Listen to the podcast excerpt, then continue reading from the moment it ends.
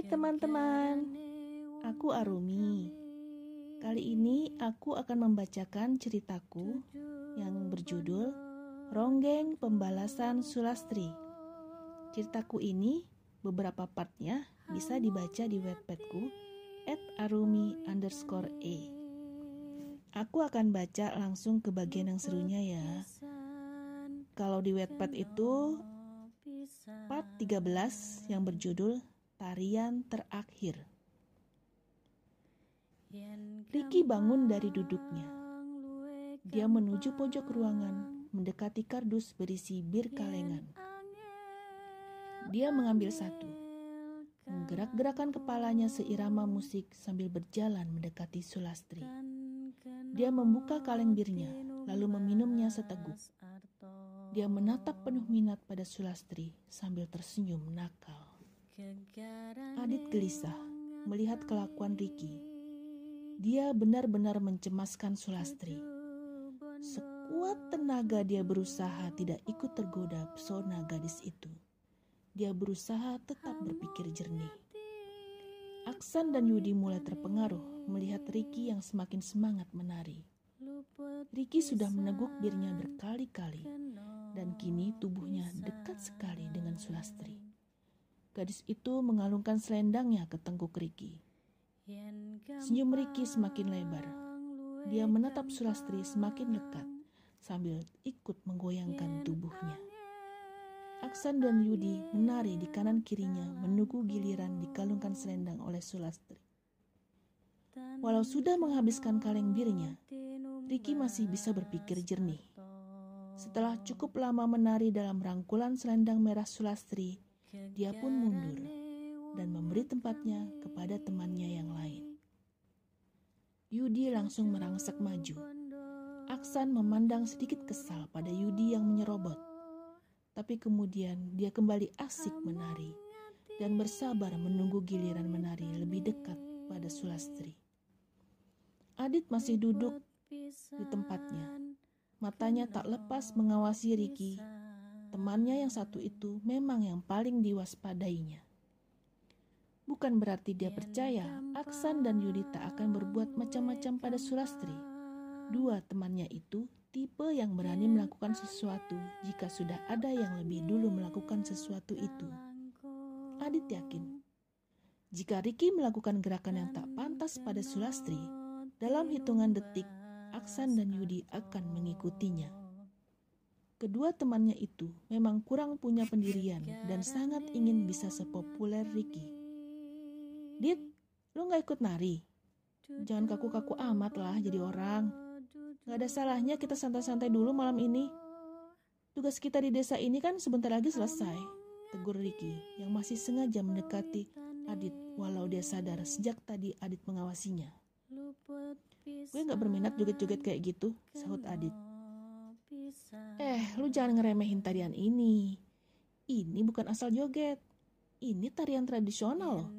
Harusnya kita ikut melestarikan tarian ini. Ricky melirik dan tersenyum meledek pada Adit.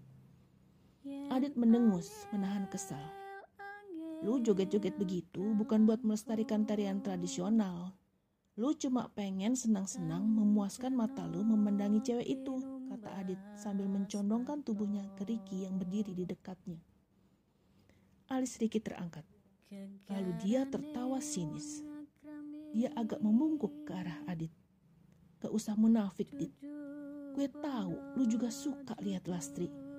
Gue tahu tadi lu berusaha banget nahan nafsu saat lihat Lastri goyangin pinggulnya. Bisik Ricky di dekat telinga Adit. Setelah bicara begitu, Ricky menegakkan lagi tubuhnya.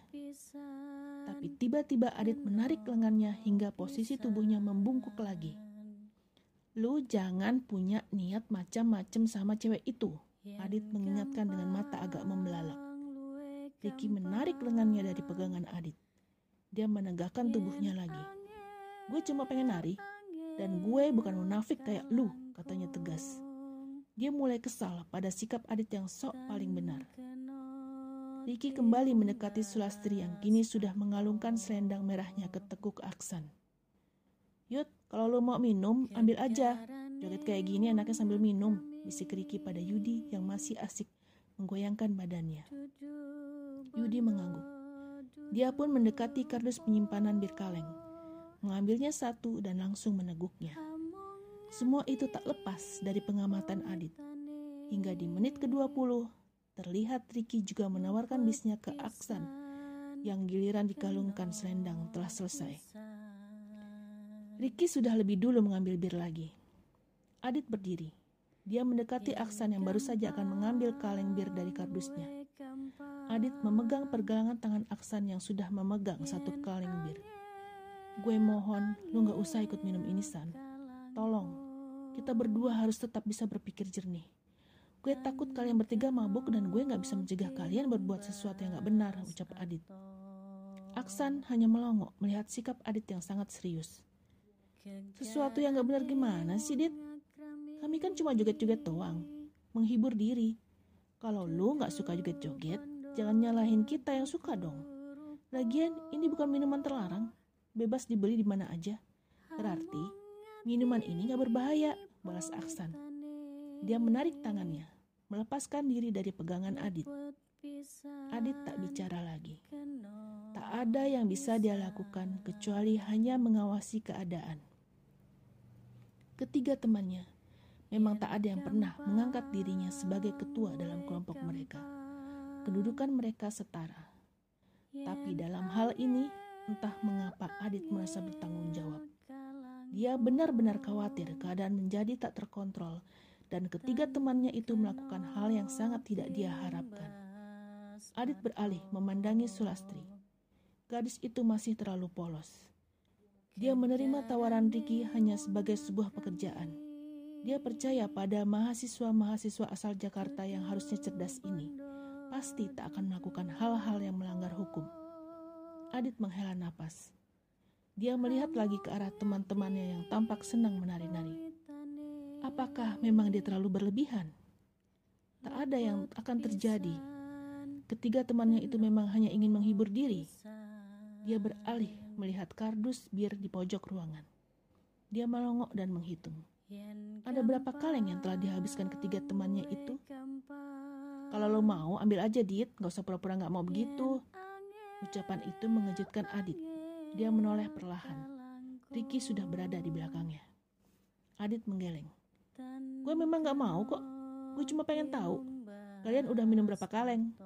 Rick, please jangan minum lagi. Lu bukan orang tua gue, Dit. Jadi please juga Jangan ngatur-ngatur gue, apalagi ngasih nasihat. Dinasehatin nyokap dan bokap gue aja gue sebel, apalagi dinasehatin lo, bantah Ricky. Dia mengabaikan permintaan Adit. Malah dengan santainya mengambil satu kaleng bir lagi. Adit hanya bisa diam. Dia kembali duduk di kursi karena tak berhasil menjaga kaleng-kaleng bir itu. Dia menghela napas panjang. Matanya masih terus mengawasi teman-temannya yang asik menari. Hingga kemudian badannya menegak saat Sulastri memutar tubuhnya hingga menghadapnya. Pandangan Sulastri jatuh ke matanya dan dia tersenyum. Dengan canggung, Adit balas tersenyum. Ujung bibirnya bergerak-gerak. Selama beberapa menit, mereka berdua saling tatap. Tenang, Lastri. Ada aku di sini. Aku akan jagain kamu. Kamu akan baik-baik aja janji Adit dalam hati. Dia terus menatap Sulastri yang masih menari sambil tersenyum kepadanya. Adit membuka matanya dan mengerjap beberapa kali. Kepalanya yang bersandar di kursi terasa berat. Dia belum sepenuhnya sadar, masih antara kenyataan dan mimpi. Kemudian samar-samar ingatannya hadir kembali. Seingatnya, yang terakhir kali dilihatnya adalah Sulastri yang sedang menari menghadapnya dan tersenyum padanya. Dia menegakkan tubuhnya. Punggungnya terasa pegal sekali. Dia menunduk dan terbelalak melihat kedua punggung tangannya. Apa nih? Gumamnya heran. Dia membalik kedua tangannya. Telapak tangannya bersih, tapi seperti ada sesuatu yang lengket di punggung tangannya. Dia menyentuh cairan kental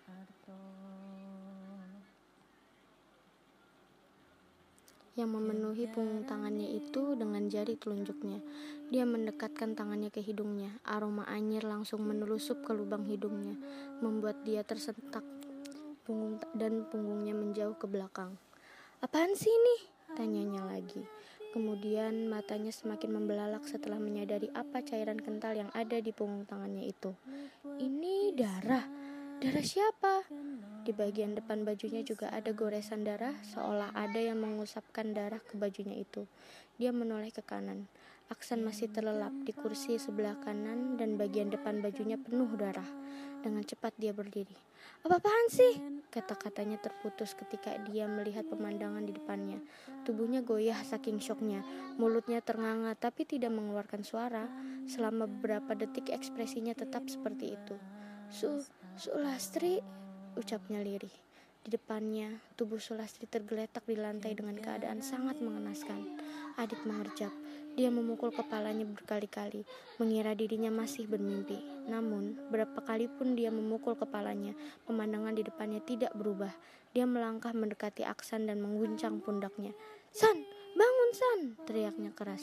Aksan masih tak bergerak. San, lu masih hidup kan? Ujarnya lagi. Adit memegang pundak Aksan kanan dan kiri dengan kedua tangannya, lalu mengguncang tubuh Aksan lebih keras. Bangun San, bangun! Barulah Aksan membuka matanya satu persatu.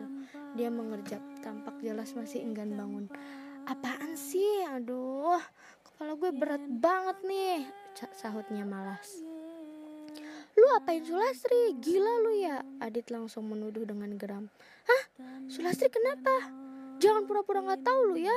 Lihat tuh. Dan lihat baju lu juga penuh darah. Aksan menunduk menatap bagian depan bajunya, matanya terbelalak. Dia terlonjak berdiri. Astaga naga, kenapa nih? Darah apaan? Dia mengalihkan pandangannya ke Adit yang masih berdiri di depannya. Adit menggeser ke samping, hingga pemandangan Sulastri yang tergeletak di lantai terlihat tanpa halangan oleh Aksan. Dia melotot. Sulastri kenapa? Tanyanya seolah benar-benar tak tahu apa yang terjadi pada gadis penari itu. Lu jangan pura-pura gak tahu. Lu semalam yang nari sama dia. Gue cuma duduk dan mungkin gue gak sadar ketiduran, kata Adit. Gue mata Aksan berputar ke bawah. Dia berusaha mengingat-ingat. Gue emang nari sama dia. Terus godain dia dikit. Tapi gue gak nyolek dia sedikit pun. Lanjut Aksan. Bang, kalau memang lu gak nyentuh dia, kenapa bisa ada darah di baju lu? Itu pasti darah Sulastri, bantah Adit. Aksan kembali melihat bagian depan bajunya. Gue nggak tahu, gue nggak inget. Dia terdiam sejenak, mencoba mengingat-ingat. Jangan-jangan gue udah nyakitin Sulastri. Adit menjambak-jambak rambutnya. Gue udah bilang, lu jangan ikut-ikutan minum bir. Kalau lu mabok, lu bisa berbuat yang nggak benar dan lu nggak sadar. Gue cuma minum dikit. Aksan membela diri. Berapa kaleng? Cuma tiga atau empat Jawabnya tak yakin. Itu banyak, pantesan aja kepala lu berat. Udah gue ingetin, orang yang minum minuman mengandung alkohol itu pasti nggak bisa berpikir jernih. Lu nggak sadar udah berbuat apa. Terus itu Sulastri gimana? Dia nggak mau kan? Adit menoleh, lalu membalik tubuhnya. Dia melangkah mendekati Sulastri. Tengkuknya merinding melihat keadaan Sulastri. Kainnya tersingkap hingga pahanya yang penuh darah terlihat. Kebayanya sobek hingga sebagian dadanya tampak dan penuh bercak darah juga. Rambutnya yang semalam dia sanggul kini terurai panjang dan berantakan. Sebagian rambutnya menutupi pipinya. Dan di bawah kepalanya, Adit terkesiap hingga tubuhnya limbung dan hampir jatuh. Apa yang dilihatnya benar-benar membuatnya syok untuk kedua kali. Darah yang warna merahnya mulai menggelap, tergenang di bawah kepala gadis itu. Wajahnya yang semula ayu kini tampak mengerikan. Matanya terbuka dan memelotot. Selendang merah yang biasa dia gunakan menari telah mencekik lehernya. Ujung selendang itu menyumpal mulutnya. Perasaan Adi tak karuan. Dadanya terasa sesak, seperti ada gumpalan keras entah apa yang melesak ke ulu hatinya. Dia menyesal, sangat menyesal, dan merasa sangat bersalah. Dia sudah berjanji akan menjaga Sulastri. Kenapa dia tertidur? Kenapa dia tak mendengar apa pun? Semua kekacauan ini pasti menimbulkan keributan. Apa yang sudah terjadi pada gadis polos itu?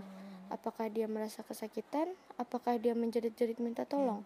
Siapa yang melakukan semua itu padanya? Apa mungkin teman-temannya?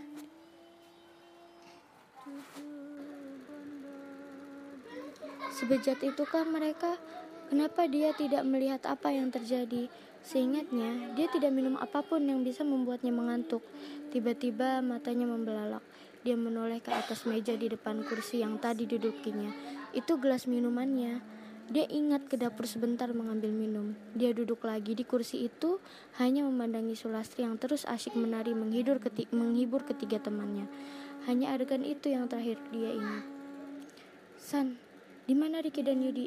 Tanyanya. Matanya memejam, dia tak sanggup lagi menatap wajah Sulastri yang tampak kesakitan dan menderita. Adit menoleh ke seliling ruangan, mencari kain atau sejenisnya untuk menutup wajah dan tubuh Sulastri. Tapi tak ada apa pun yang memungkinkan untuk dipakai menutup wajah dan tubuh gadis yang telah menjadi mayat itu. Mungkin di kamar, sahut Aksan. Bangunin mereka, San, perintah Adit. Tanpa menyahut, Aksan melesat ke kamar depan yang, yang ditempati Yudi dan Ricky. To be continued. Ada dua tempat tidur single bed di kamar itu. Masing-masing di tempat Yudi dan Ricky.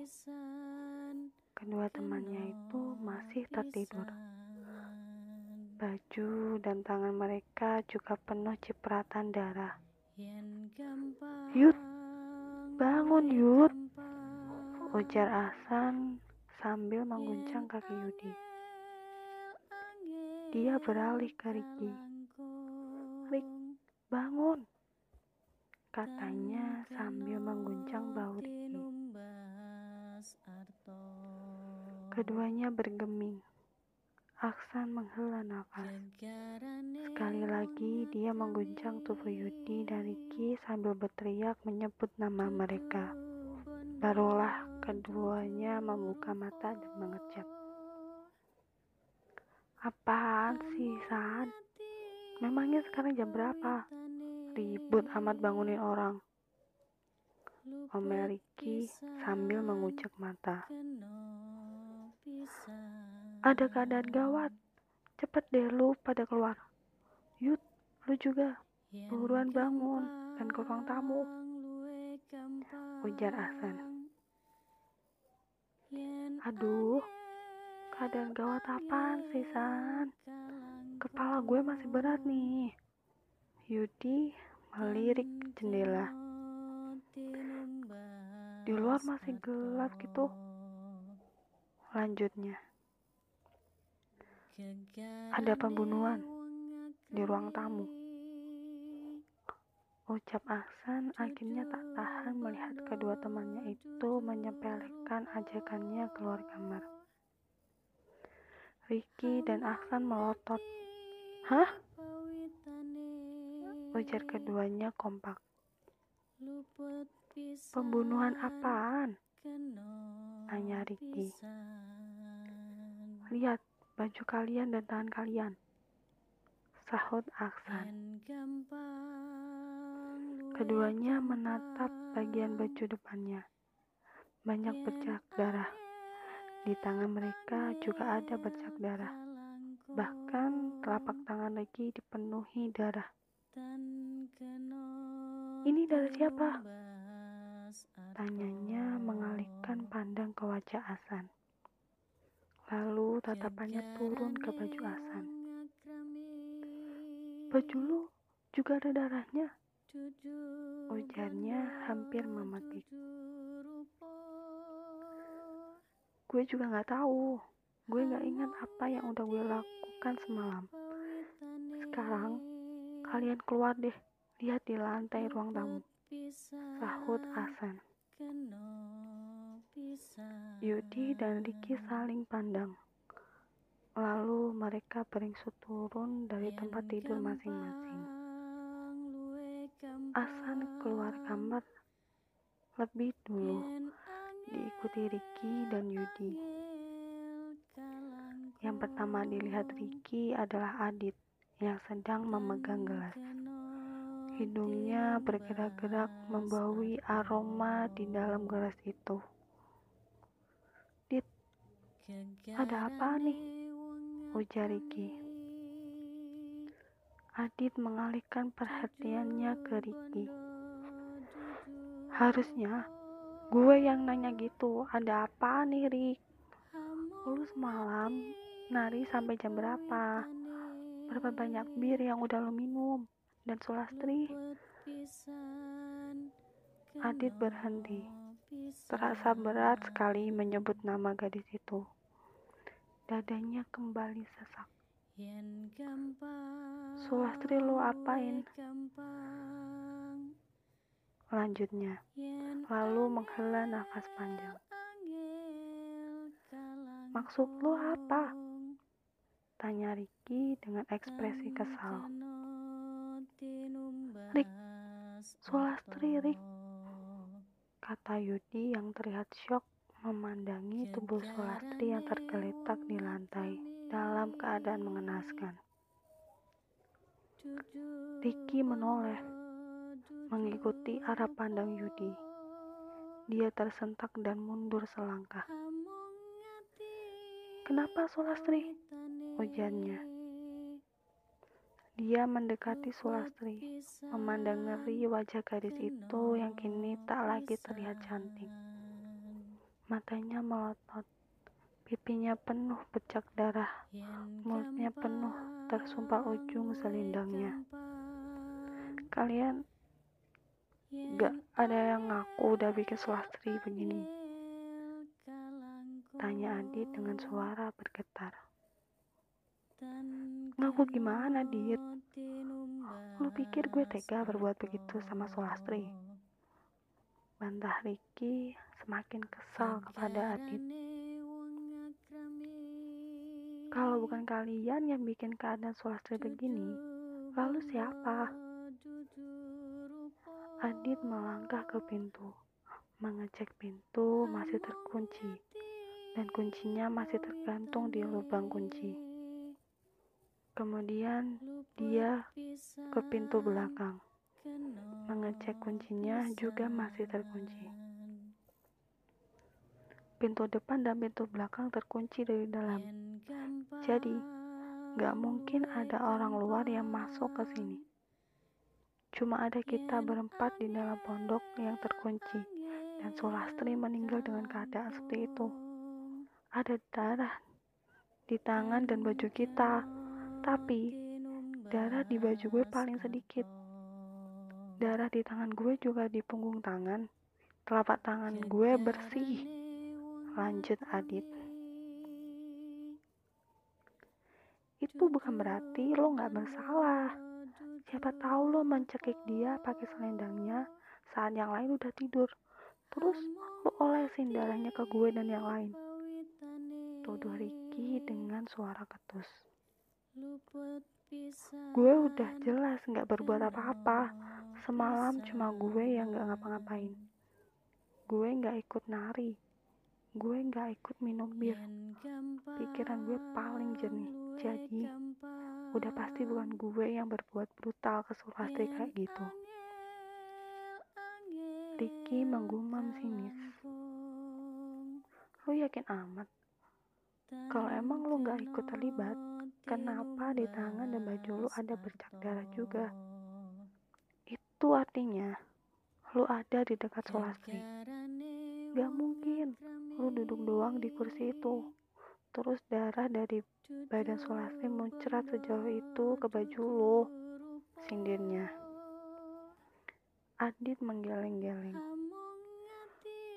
Gue yakin gue gak melakukan apa-apa. Gue gak minum bir kayak lo dan yang lainnya. Gue masih bisa mikir dan gue gak bakal melakukan hal sekejam itu ke Sulastri ada yang bikin gue ketiduran dan ngolesin darah ke tangan dan baju gue. Dia membela diri. Kalau lu yakin gak melakukan apa-apa, gue juga bisa bilang gue yakin gak berbuat macam-macam ke Solastri. Ngomong doang, semua orang juga bisa, diet. Tapi lu bisa gak ngebuktiin kalau bukan lu yang bikin Solastri meninggal? Bantah Ricky.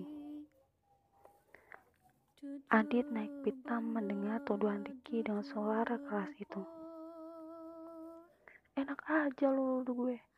Dari awal kita datang ke sini gue udah ngingetin lu jangan bawa bir.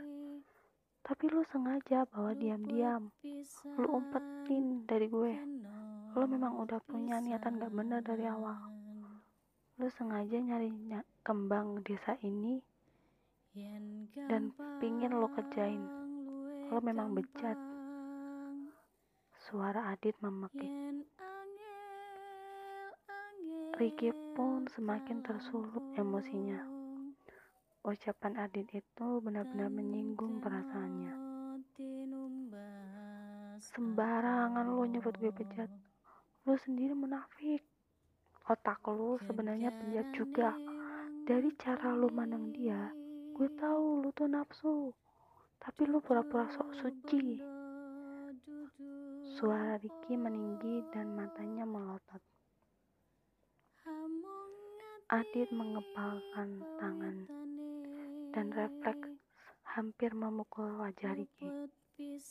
Tapi belum sempat tinjunya melayang ke rahang Ricky, Yudi memegang tangannya kuat-kuat. Eh udah, kenapa jadi berantem sih? Berhenti saling nyalain. Sekarang yang harus kita pikirin gimana cara beresin ini semua. Apa nggak ada yang mau ngecek nadi di tangan Solastri masih berdenyut atau enggak? Ucap Yudi. Gak usah dicek udah jelas Sulastri udah meninggal Yud. Dadanya aja gak bergerak. Matanya melotot terus. Serengah Adit. Terus lu gak mau nutup matanya? Kasihan lihat dia melotot begitu. Kali ini Ahsan yang bicara. Kenapa bukan lo aja yang nutup matanya? Kalau Memang lu kasihan sama dia. Adit balik bertanya. Lu gitu amat sih, Dit. Gue gak sangka lu setega itu. Kemarin-kemarin kesannya lu paling perhatian sama Solastri. Ngambilin dia minum segala. Sekarang setelah dia mati, lu gak mau sekedar ngerapin mayatnya aja. Balas Hasan. Dia memang munafik kok. Sambar Riki yang masih memendam kesal pada Adit. Adit tak menyaut, hanya menatap Riki tajam. Ia tak ingin terpancing lagi dan Adit tanpa sadar benar-benar memukul Riki. Jadi, sekarang gimana? Apa kita bilang Pak Kades? Tanya Asan. Jangan! Teriak Adit, Ricky, dan Yudi bebarengan. Mereka saling pandang. Tak menyangka di antara perdebatan mereka tersimpan pemikiran yang sama. Lapor Pak Kades sama aja bunuh diri. Orang satu desa nggak bakal ngeroyok kita rame-rame. Jangan bilang siapa-siapa. Gak boleh ada yang tahu Solasri meninggal di pondok ini, kata Riki. Yudi mengangguk. Tapi kita nggak tahu. Asan diam sejenak. Kan belum tentu kita yang bunuh Sulastri. Lanjutnya. Mereka nggak bakal peduli. Sulastri meninggal di pondok ini dalam keadaan seperti itu mereka pasti bakal nuduh kita. Apalagi kita nggak punya pembelaan kenapa Solasri bisa ada di sini dalam keadaan separah itu. Kata Riki lagi. Tenang dulu. Pertama-tama kita berhenti ngomong keras-keras. Untung aja rumah warga lain cukup jauh jaraknya dari sini. Kita berpikir jernih dulu sahut Adit. Berpikir jernih gimana, Dit? Dari kemarin lo bilang berpikir jernih mulu. Ini gak bisa dipikirin dengan jernih. Kita harus cepat bertindak. Buang mayat Sulastri jauh-jauh dari sini. Kata Riki. Rik, lo tega banget. Ucap Aksan dengan suara gemetar. Sebenarnya itu dia ucapkan bukan karena benar-benar peduli pada Sulastri. Tapi karena dia khawatir, arwah Sulastri menjadi arwah penasaran yang akan membalas dendam kepadanya. Walau dia masih tak ingat apakah dia ikut terlibat dalam pembunuhan Sulastri.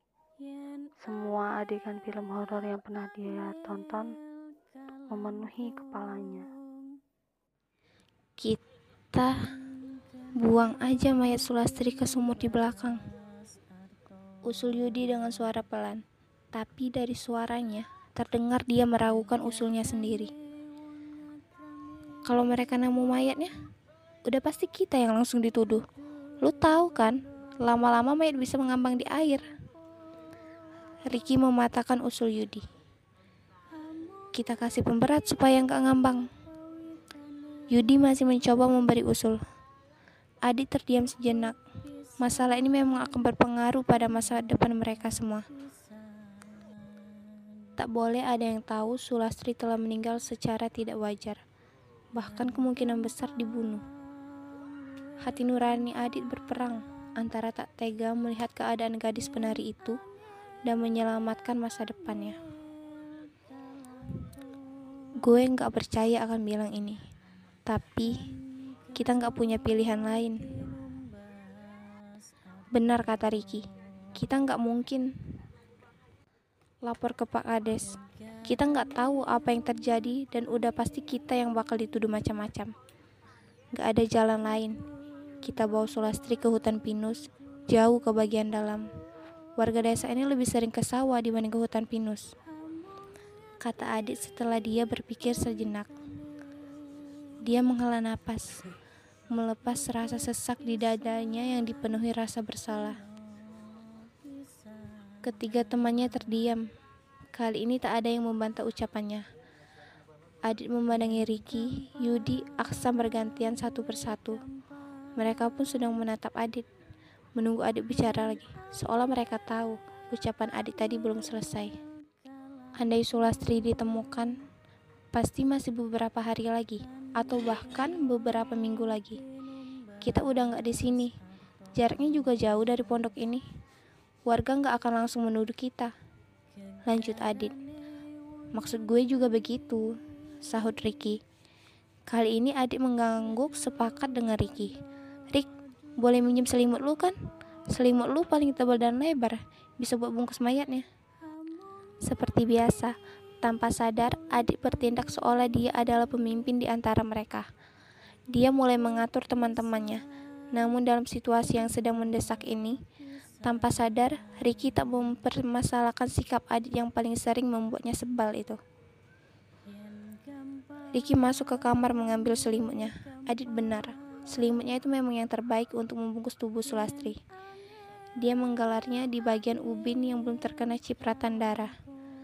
Adit dan Yudi mengangkat tubuh Sulastri dan memindahkannya ke atas selimut. Mereka mengambil tas kain batik milik Sulastri yang masih berada di atas kursi. Yudi mengambil radio Sulastri yang ujungnya pecah dan dipenuhi darah.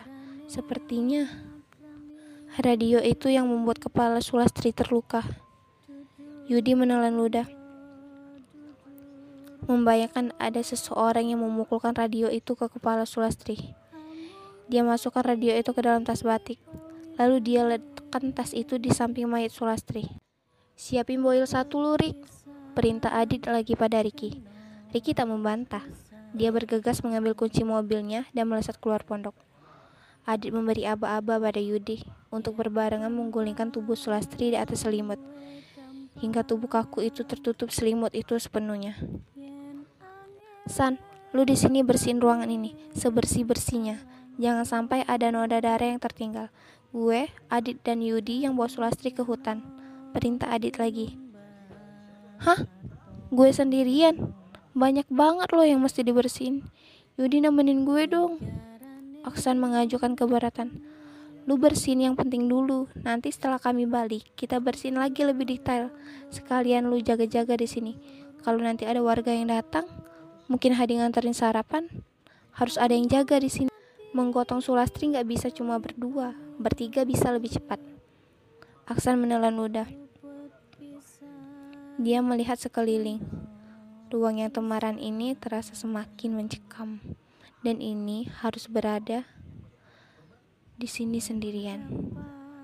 Bagaimana jika ternyata arwah Sulastri masih ada di pondok ini dan menunggu kesempatan membalas rasa sakitnya telah dibunuh sekejam itu entah oleh siapa.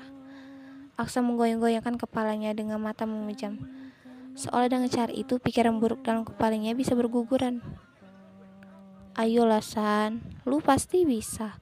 Lu dengerin aja Walkman supaya kalau ada suara-suara aneh lu nggak dengar kata Yudi hah suara aneh gimana maksud lu Aksa mau melotot malah semakin cemas udah nggak usah kebanyakan ngomong kita harus cepat udah hampir jam 6 warga desa pagi-pagi udah banyak yang berangkat ke sawah jangan sampai ada yang melihat kita menggotong Sulastri di hutan binus Adit memotong pembicaraan Yudi dan Aksan. Angkat Yud, perintah Adit lagi. Dia memegang bagian atas mayat Sulastri, sementara Yudi bagian kakinya. Angin pagi yang berembus melalui pintu yang terbuka meniupkan hawa dingin, membuat tengkuk Adit dan Yudi seketika meremang. Mereka berjalan dengan cepat sambil menggotong mayat Sulastri. Ricky sudah menyalakan mesin mobilnya dan membuka bagasi belakang. Dia membantu Adit dan Yudi memasukkan mayat Sulastri ke dalam bagasi. Kemudian dia menutup dan mengunci pintu bagasi. Setelah itu bergegas dia duduk di balik kemudi. Adit secara refleks duduk di samping Ricky karena itu telah menjadi kebiasaannya. Yudi terpaksa duduk di jok belakang sendirian. Dengan gerakan perlahan, kepalanya menoleh ke belakang. Dia bergidik ngiri, menyadari tepat di belakangnya di dalam bagasi ada mayat Sulastri. Rizky memperlambat laju mobilnya. Beruntung sepanjang perjalanan mereka tidak bertemu seorang warga pun. Kalau nggak salah, itu tempat dulu Sulastri turun kan? Saat kita antar malam-malam, kata Yudi menunjuk pinggiran hutan. Kok lu bisa tahu Yud? Tanya Rizky heran. Patok kecil itu, jawab Yudi. Mata Rizky menyipit. Dia baru menyadari ada patok sependek sekitar 20 cm berbahan semen di pinggir jalan. Waktu itu gue sama sekali nggak merhatiin ada patok itu di situ. Mungkin itu memang sengaja dibuat supaya Sulastri tahu masih turun di mana kalau mau ke rumahnya. Jalan terus Riz, sejauh-jauhnya dari sini. Jangan sampai Ibu Sulastri paling dulu nemu mayat anaknya, kata Adit. Dia hanya sekilas melihat ke arah patok yang ditunjuk Yudi. Malam itu, dia pun tak menyadari ada patok itu. Dia baru sadar Yudi memiliki daya pengamatan cukup detail. Gue kok munes ya denger lu bilang ibu Sulasri nemu mayat anaknya. Ucap Yudi dengan suara lirih. Alit menghela nafas. Gue merasa hari ini gue jadi orang jahat banget.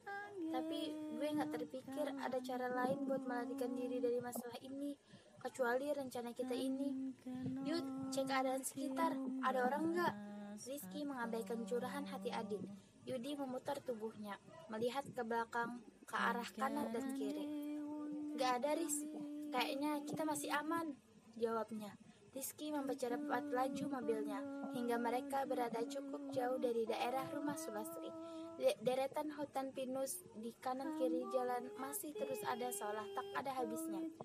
Kayaknya kita udah cukup jauh, kata Adit setelah mereka melaju sejauh 1-2 km. Riz, coba belok ke situ. Itu ada celah cukup lebar di antara pohon pinus. Mungkin mobil ini bisa jalan di situ. Kita parkir di dalam hutan, jangan di pinggir jalan. Nanti kalau ada orang lewat, bisa tahu kita ada di sini. Kata Adit lagi. Rizky menoleh ke arah yang ditunjuk Adit. Dia melihat celah itu memang cukup lebar. Perlahan dia membelok, laju, lalu melajukan mobilnya perlahan. Bunyi gemerisik terdengar tiap kali roda mobilnya melindas ranting dan dedaunan kering. Mobil Rizky baru sekitar 10 meter masuk ke lahan hutan pinus. Mobil itu sudah tak bisa maju lagi karena di depan mereka posisi pohon pinus sudah tidak seperti sebelumnya. Cuma bisa sampai sini, kata Rizky. Kita turun di sini, gue cek dulu apa ada tempat cekung atau tersembunyi yang bisa buat ngumpetin ma. Adit tak melanjutkan ucapannya. Dia benar-benar merasa telah menjadi orang jahat. Dia teringat beberapa jam lalu Sulastri masih hidup segar bugar dan cantik. Kini gadis ini sudah tak bernyawa dan dia memperlakukan Sulastri seperti benda tak berharga. Sulastri, gadis yang ketika hidup begitu memikat, kini hanyalah sesosok mayat yang sedang berusaha dia buang. Adit menelan ludah, hati nuraninya bergejolak, namun logikanya memenangkan peperangan dalam kepalanya. Mayat Sulastri harus disembunyikan. Hanya itu satu-satunya cara untuk memecahkan masalah ini. Dia tak ingin kuliahnya terganggu. Dia harus segera lulus, kemudian mencari kerja, menafkahi ibu dan dua adiknya. Jika dia melapor pada polisi tentang kejadian ini, keadaannya pasti akan rumit sekali. Walau dia merasa tak bersalah dan tak tahu sama sekali apa yang terjadi pada Sulastri, tapi polisi tak akan melepaskan dia dan teman-temannya begitu saja. Mereka harus melalui serangkaian proses penyelidikan. Jika mereka sial, mungkin saja polisi menemukan bukti keterlibatan mereka. Walau sekeras apa pun Adit berusaha mengingat, dia benar-benar tak ingat apa yang sudah dia lakukan semalam kepada Sulastri. Jika dia memukul atau melukai gadis itu, pasti dia akan ingat kan? Pikirannya jernih, dia tidak mabuk. Dia tidak minum satu kaleng pun minuman bir yang dibawa Rizky. Dit, kok bengong? Katanya lu mau ngecek dulu. Teguran Rizky itu menyadarkan Adit. Dia menoleh sekilas pada Rizky, lalu bergegas keluar dari mobil. Dia berjalan menyusuri sela-sela di antara pohon-pohon pinus yang tinggi menjulang.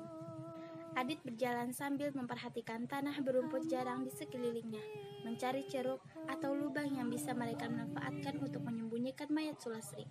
Tidak ada, dia belum menemukan tempat yang tepat.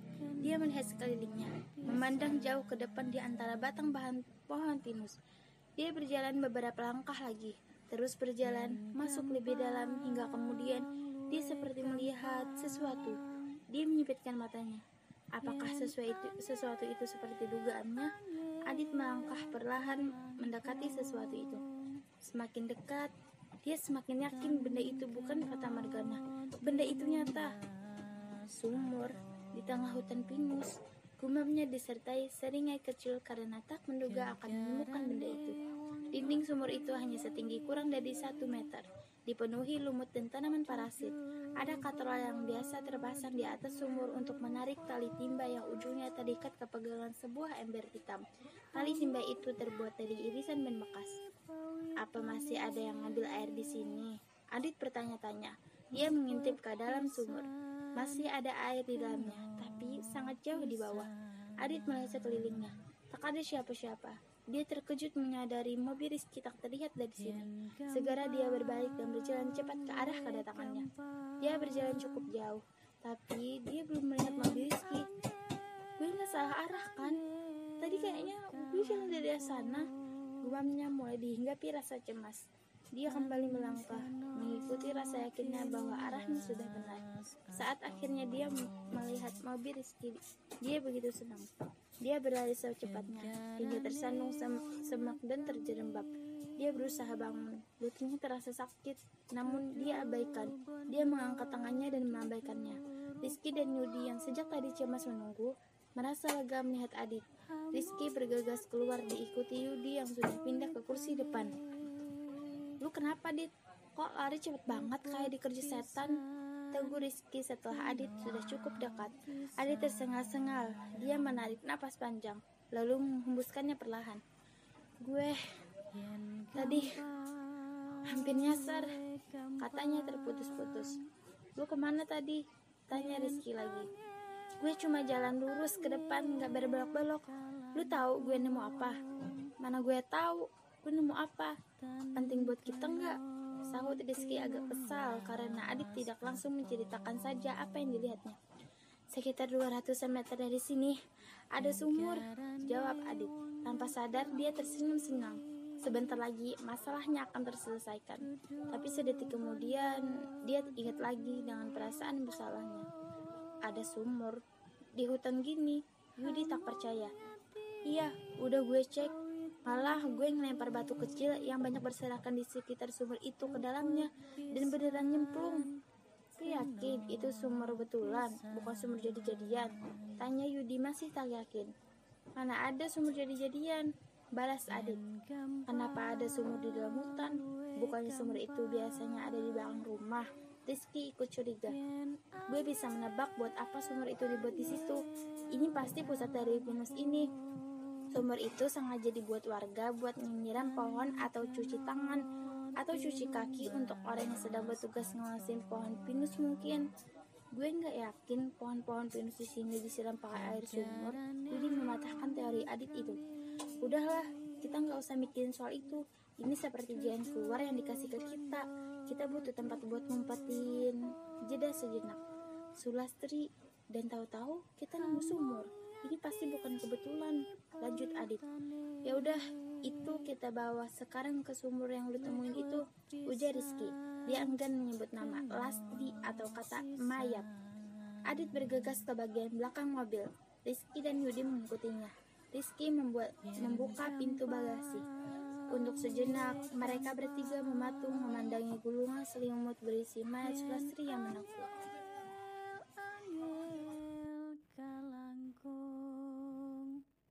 Dengan gerakan cepat, mereka mengeluarkan mayat itu dan membawanya ke arah lurus dari depan mobil Ricky.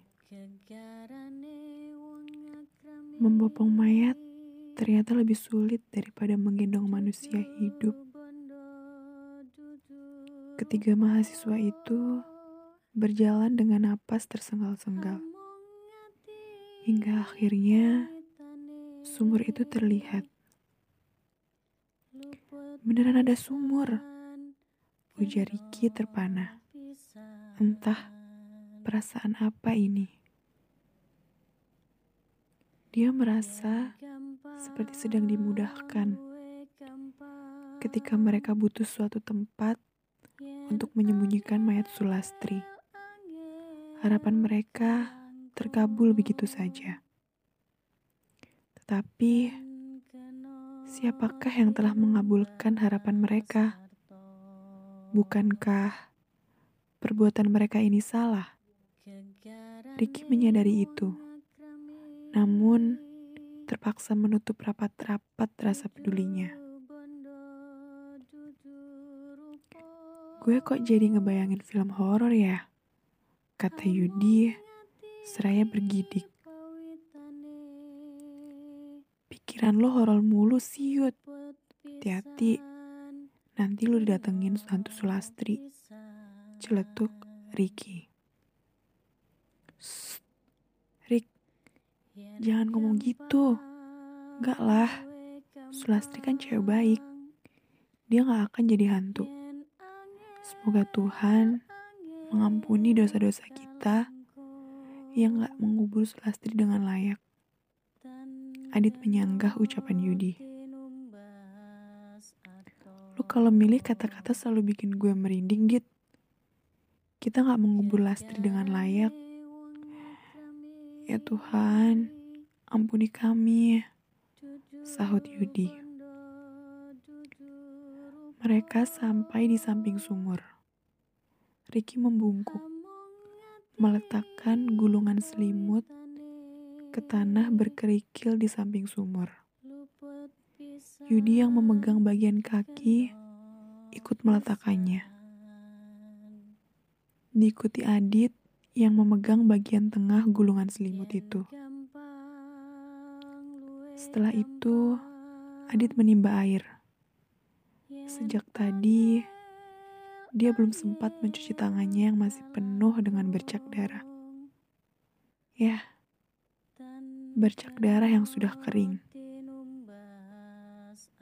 Aksinya itu diikuti oleh Ricky dan Yudi yang juga belum sempat membersihkan tangan mereka.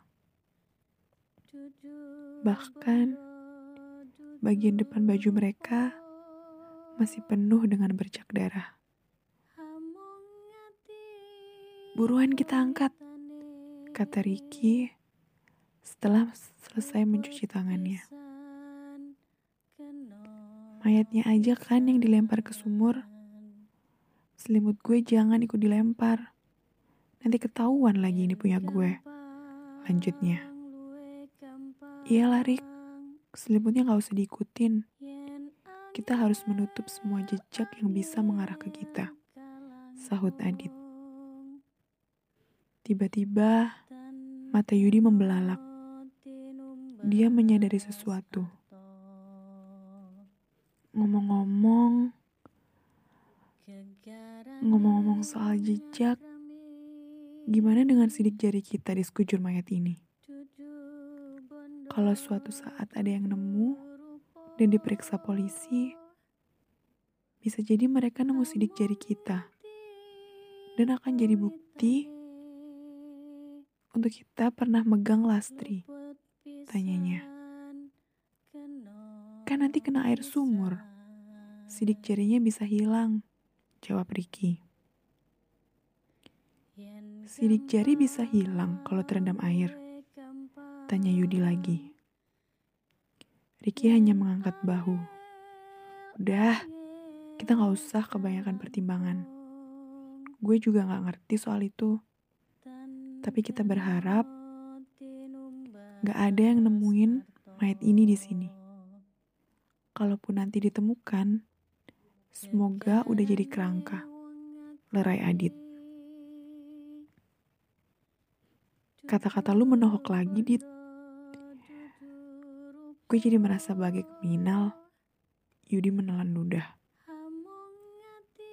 Ricky menepuk bahu Yudi, membuat temannya itu terlonjak dan menjerit saking terkejutnya. Ngapain sih lo pakai teriak segala? Tegur Ricky.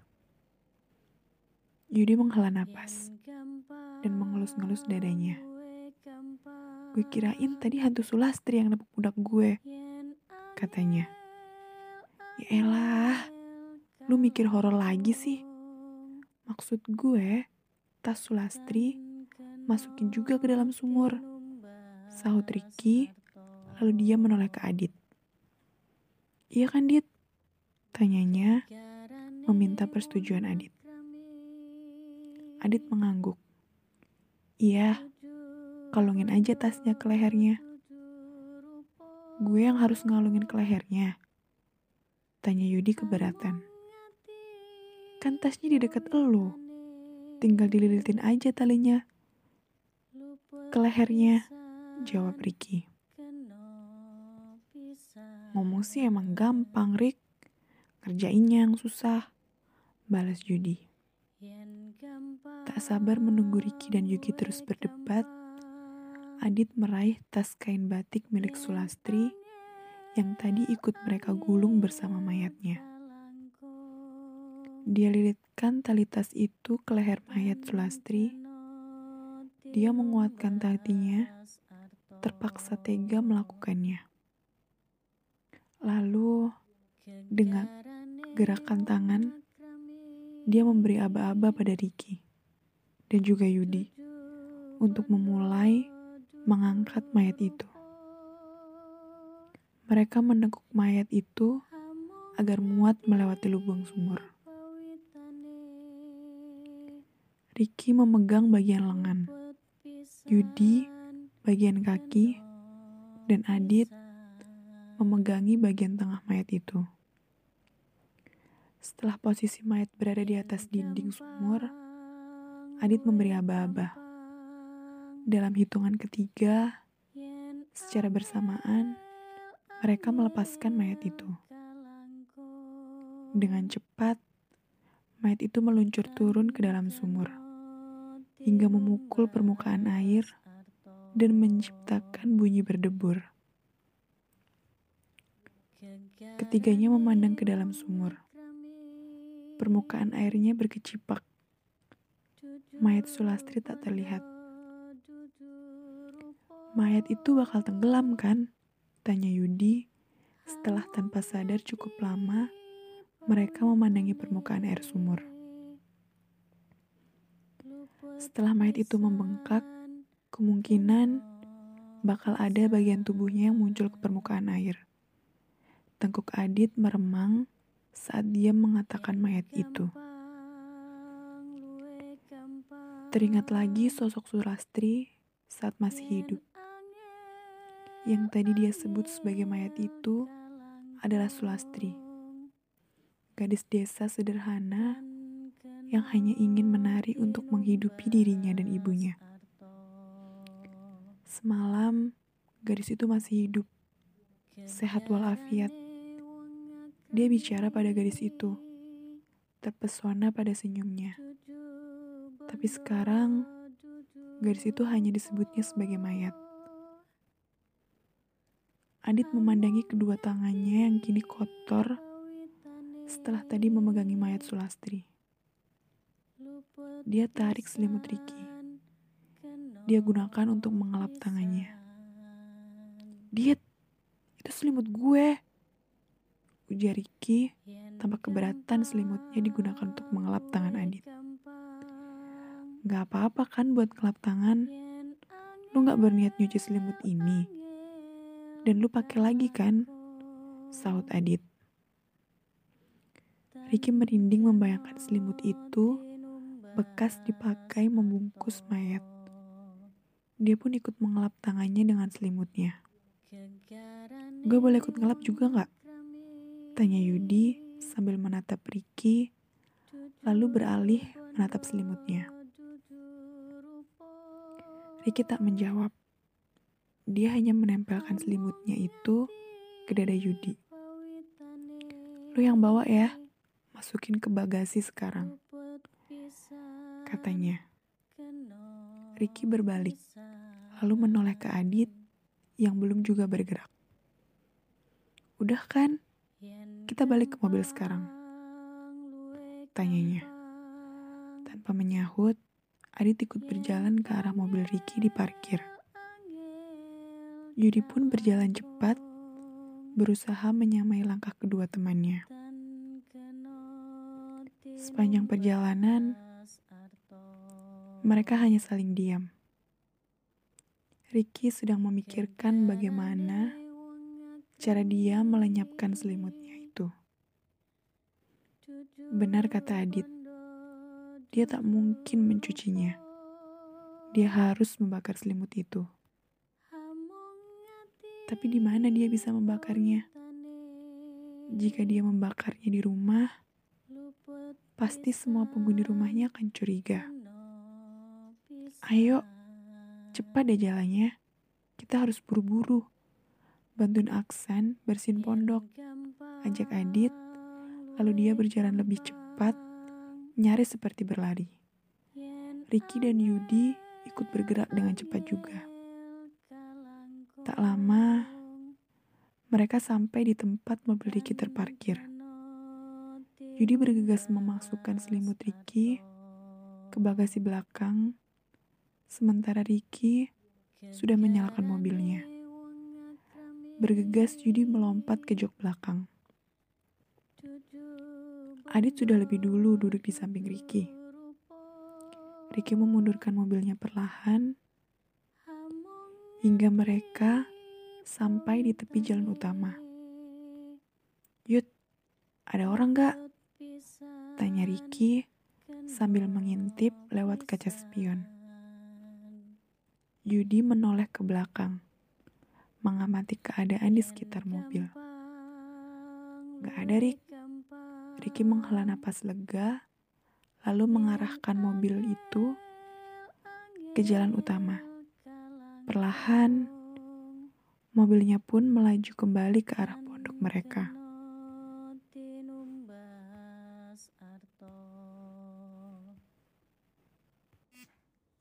Nah, teman-teman, sekian dulu baca bareng cerita Ronggeng Pembalasan Sulastri bersama Arumi dan lima pembaca yang sudah terpilih. Oh, kalau teman-teman penasaran cerita lengkapnya seperti apa, yuk baca novelnya. Di novel akan terungkap segala jawaban misterinya. Mumpung sekarang sedang open pre-order. Ada bonus dan ada beberapa toko buku online yang menyediakan eh, bonus tambahan. Daftar toko online yang bisa pesan novel Ronggeng Pembalasan Sulastri bisa dilihat di Instagramku at arumi underscore e atau di Instagram penerbit Sunset Road. Yuk baca novelnya sebelum nanti kita nonton filmnya tahun depan. Bye.